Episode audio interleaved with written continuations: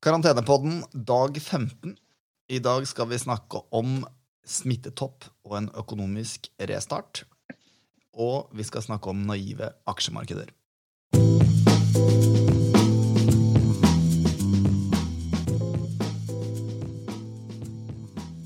Er du med meg, Christian? Det er jeg. Har du fått deg en ny bil i dag? ja, det har jeg. Vil du fortelle hvordan det gikk? Hva sa du? Vil du fortelle hvordan det gikk? Ja, det var eh, en fantastisk eh, følelse eh, i de første tre-fire timene, var det vel. Og så var jeg ute på en, en kjøretur ute på flatebygdene på Hedmarken og koste meg verre. Helt til det kom et blodrødt varsel på displayet som skrek mot meg at her var det oljetrykksfeil og at motoren måtte stanses umiddelbart. Så den ble hentet av Viking nå i stad. Vi får, vi får være såpass sympatiske at vi ikke eh, nevner merket på denne bilen. Men, eh, men du var i hvert fall veldig fornøyd en stund. Jeg var det. Veldig fornøyd. Hva er siste nytt på virusfronten? Jo, Det siste nytt er jo at ting går i riktig retning, og man ser jo smittetopper eh, ganske mange steder. Eh, Selv om det er sånne enkeltvise dager hvor smitteveksten øker igjen. F.eks. i Tyskland eh, og Frankrike, som vi har sett enkelte dager, så er trenden fortsatt positiv. Og alle land i Europa har nå en vekst i eh, smitteraten på under eh, 10% og en vekst i antall dødsfall per dag på under 15% Også i USA har man sett at eh, smitteveksten har falt til under 10% som jo har markert en topp i antall eh, smittede per dag i, i andre land også. Så det man ser nå, sånn som vi har slått sett i Norge, det er jo at stadig flere land begynner å fokusere på tidspunktet og omfanget av en gradvis restart av sine respektive eh, økonomier. Og både i Norge som nevnt, Danmark, Østerrike, så har man sett at eh, myndighetene nå begynner å legge frem planer på hvordan, for hvordan dette skal skje. Eh, I Tyskland så har man derimot eh, vært åpen på at man ikke er helt eh, der ennå, og at alle tiltak i hvert fall kommer til å være på plass til minst 20. eh, april. Det har også vært snakk om eh, tidlige eh, planer for, eh, for reåpning også i USA. Men her kommer man egentlig litt inn på det jeg tror kan bli et problem når det gjelder eh, restart av økonomi og åpning osv. Det er at viruset eh, viser ingen tegn til å bli borte. Eh, Det er ikke noe mirakel her, som Trump eh, tidligere har eh, nevnt. Og det at smitteveksten nå avtar, det beviser jo at dette med ekstreme restriksjoner og sosial isolasjon, det virker. Men det betyr jo ikke at når man da reverserer disse tiltakene, at smitteveksten vil holde seg lav.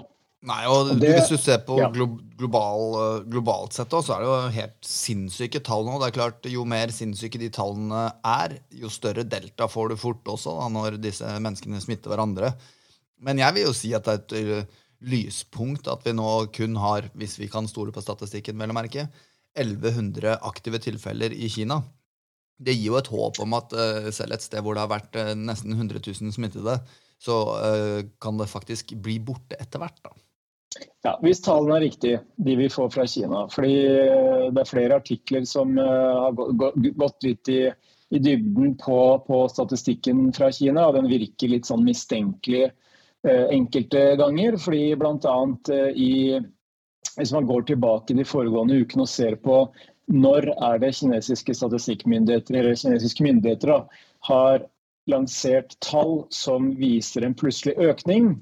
Jo, det har faktisk vært i forbindelse med at enkelte lokale eh, helsedirektører eller ledere i, i de lokale eh, kommunene og fylkene osv. har fått sparken.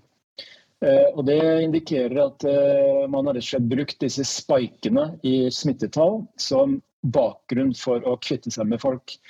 Og Da begynner man liksom å lure på kan man egentlig bruke den kinesiske statistikken til noe som helst, hvis de blir manipulert på den måten. Nei, det, det kan du si. Men vi, vi kommer ikke unna Sverige heller oppi den diskusjonen her, Christian. For Der ser det jo virkelig ikke bra ut. Du har nesten 100 nye dødsfall om dagen i Sverige. Eh, vi har jo snakka om det tidligere, men de har nesten 700 døde nå mot 93 i Norge. Eh, og de har ca. 2500 mer smitta enn det vi har. Og med den dødsstatistikken de har, så er det vel nærliggende å tro at smittetallene i Sverige er langt høyere. Definitivt. Og Sverige er vel det eneste landet i verden omtrent nå, med unntak av noen i, i, i fremvoksende økonomier osv., som uh, beholder en såpass uh, si, slapp uh, restriksjonspolitikk. Og dette ble jo til og med nevnt av Trump på hans daglige pressekonferanse i går, at Sverige var i en vanskelig situasjon. Så det er ingen tvil om at eh, den eh, politikken og strategien eh, svenske helsemyndigheter fører, den ser ut til å bringe med seg en ganske høy risiko for at dette er et feilgrep. Ja, det er ganske skummelt. Vi får følge med på det. Er det noe annet som er verdt å melde om utviklingen i pandemien? Nei, eh, ikke som jeg har fanget opp, egentlig. Eh, det er jo åpenbart at markedene responderer på, på en del av de lyspunktene. Ja, Og så er det verdt å nevne, for noen av oss hvert fall, som ønsker å ha en mental helse inn i 2021 nå, at eh, barnehagene i Norge enn så lenge da, ser ut til å åpne 20. april, og så skoletrinn 1-4 fra 27. april. Men dette jeg, var, jeg ble påminnet av min tidligere sjef at uh, vær klar over Fredrik, at dette kan, bare, kan være informasjon du har fått for å bare føle deg bra fram til 20. april. Og så får du plutselig kontrabeskjeden at barnehagene ikke åpner før uh, f.eks. i begynnelsen av mai. Det er ikke utenkelig at vi kommer til å få flere slike opplevelser fremover de neste månedene. At eh, myndighetene gir én beskjed, og så når man da kommer dit, så kanskje utviklingen ikke har vært så positiv som man hadde håpet i forhold til smitteutvikling, dødsfall osv. Og så må man reversere. Og Det er en betydelig risiko også for økonomien og ikke minst finansmarkedet neste månedene. Skru av internett, skru av telefon, skru av TV, og så forhold deg til de fristene de har fått, tenker jeg. Og så bevege oss over til markedet.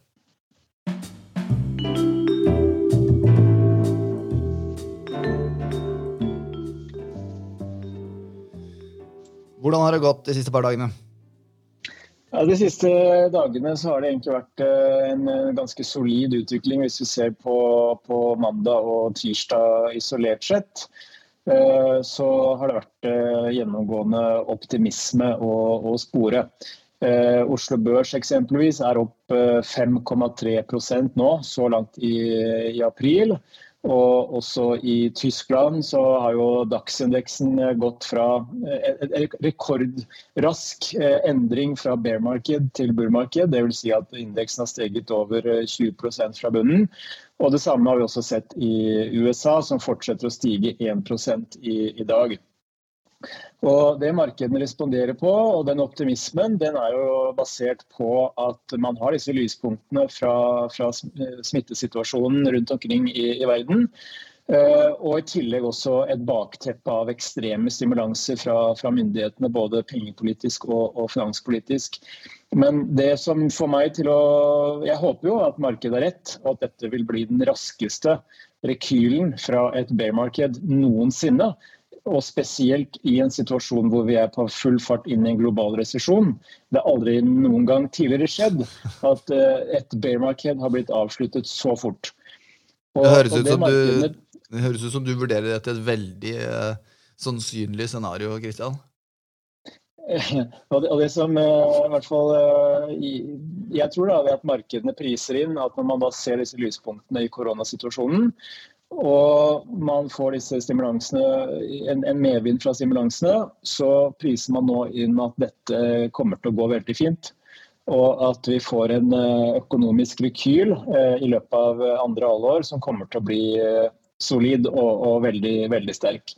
Men igjen, her tror jeg det ligger noen risikomomenter og lurer. fordi hvis dette viruset ikke blir borte, hvis det ikke kommer noen medisinsk løsning på plass, så risikerer vi at myndighetene kommer til å ende opp i en sånn stopp- og start-problematikk med disse restriksjonene. Jeg tror ikke vi kommer til å se en situasjon der restriksjonene blir gjennomført så strengt som de har gjort så langt for å bringe reproduksjonstallet under én.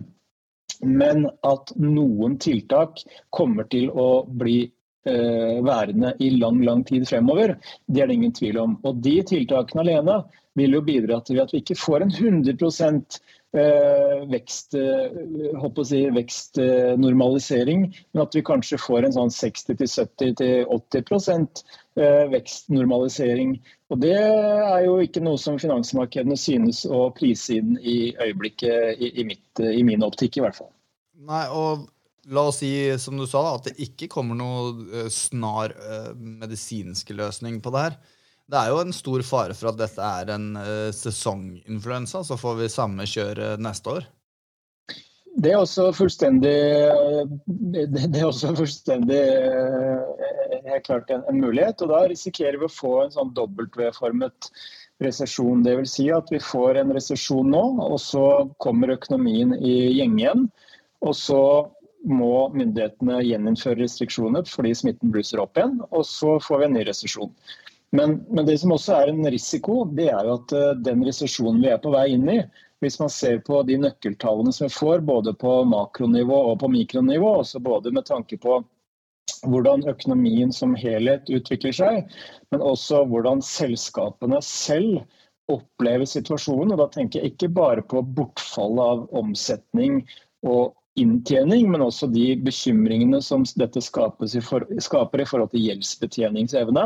Til tross for myndighetenes tiltak, eh, så er det ingen tvil om at eh, dette kan bli såpass alvorlig for, for økonomien og for selskapene at eh, det i seg selv utløser en del second order effects, som vi sier her på Hamar. Dvs. Si negative ringvirkninger, som igjen skaper en mer problematisk økonomisk situasjon. Ja, det her var jo lett, lettbent materie. Vi blir godt humør av det. Kristian. Har, har, du noe hyggelig å melde om eller før jeg legger på?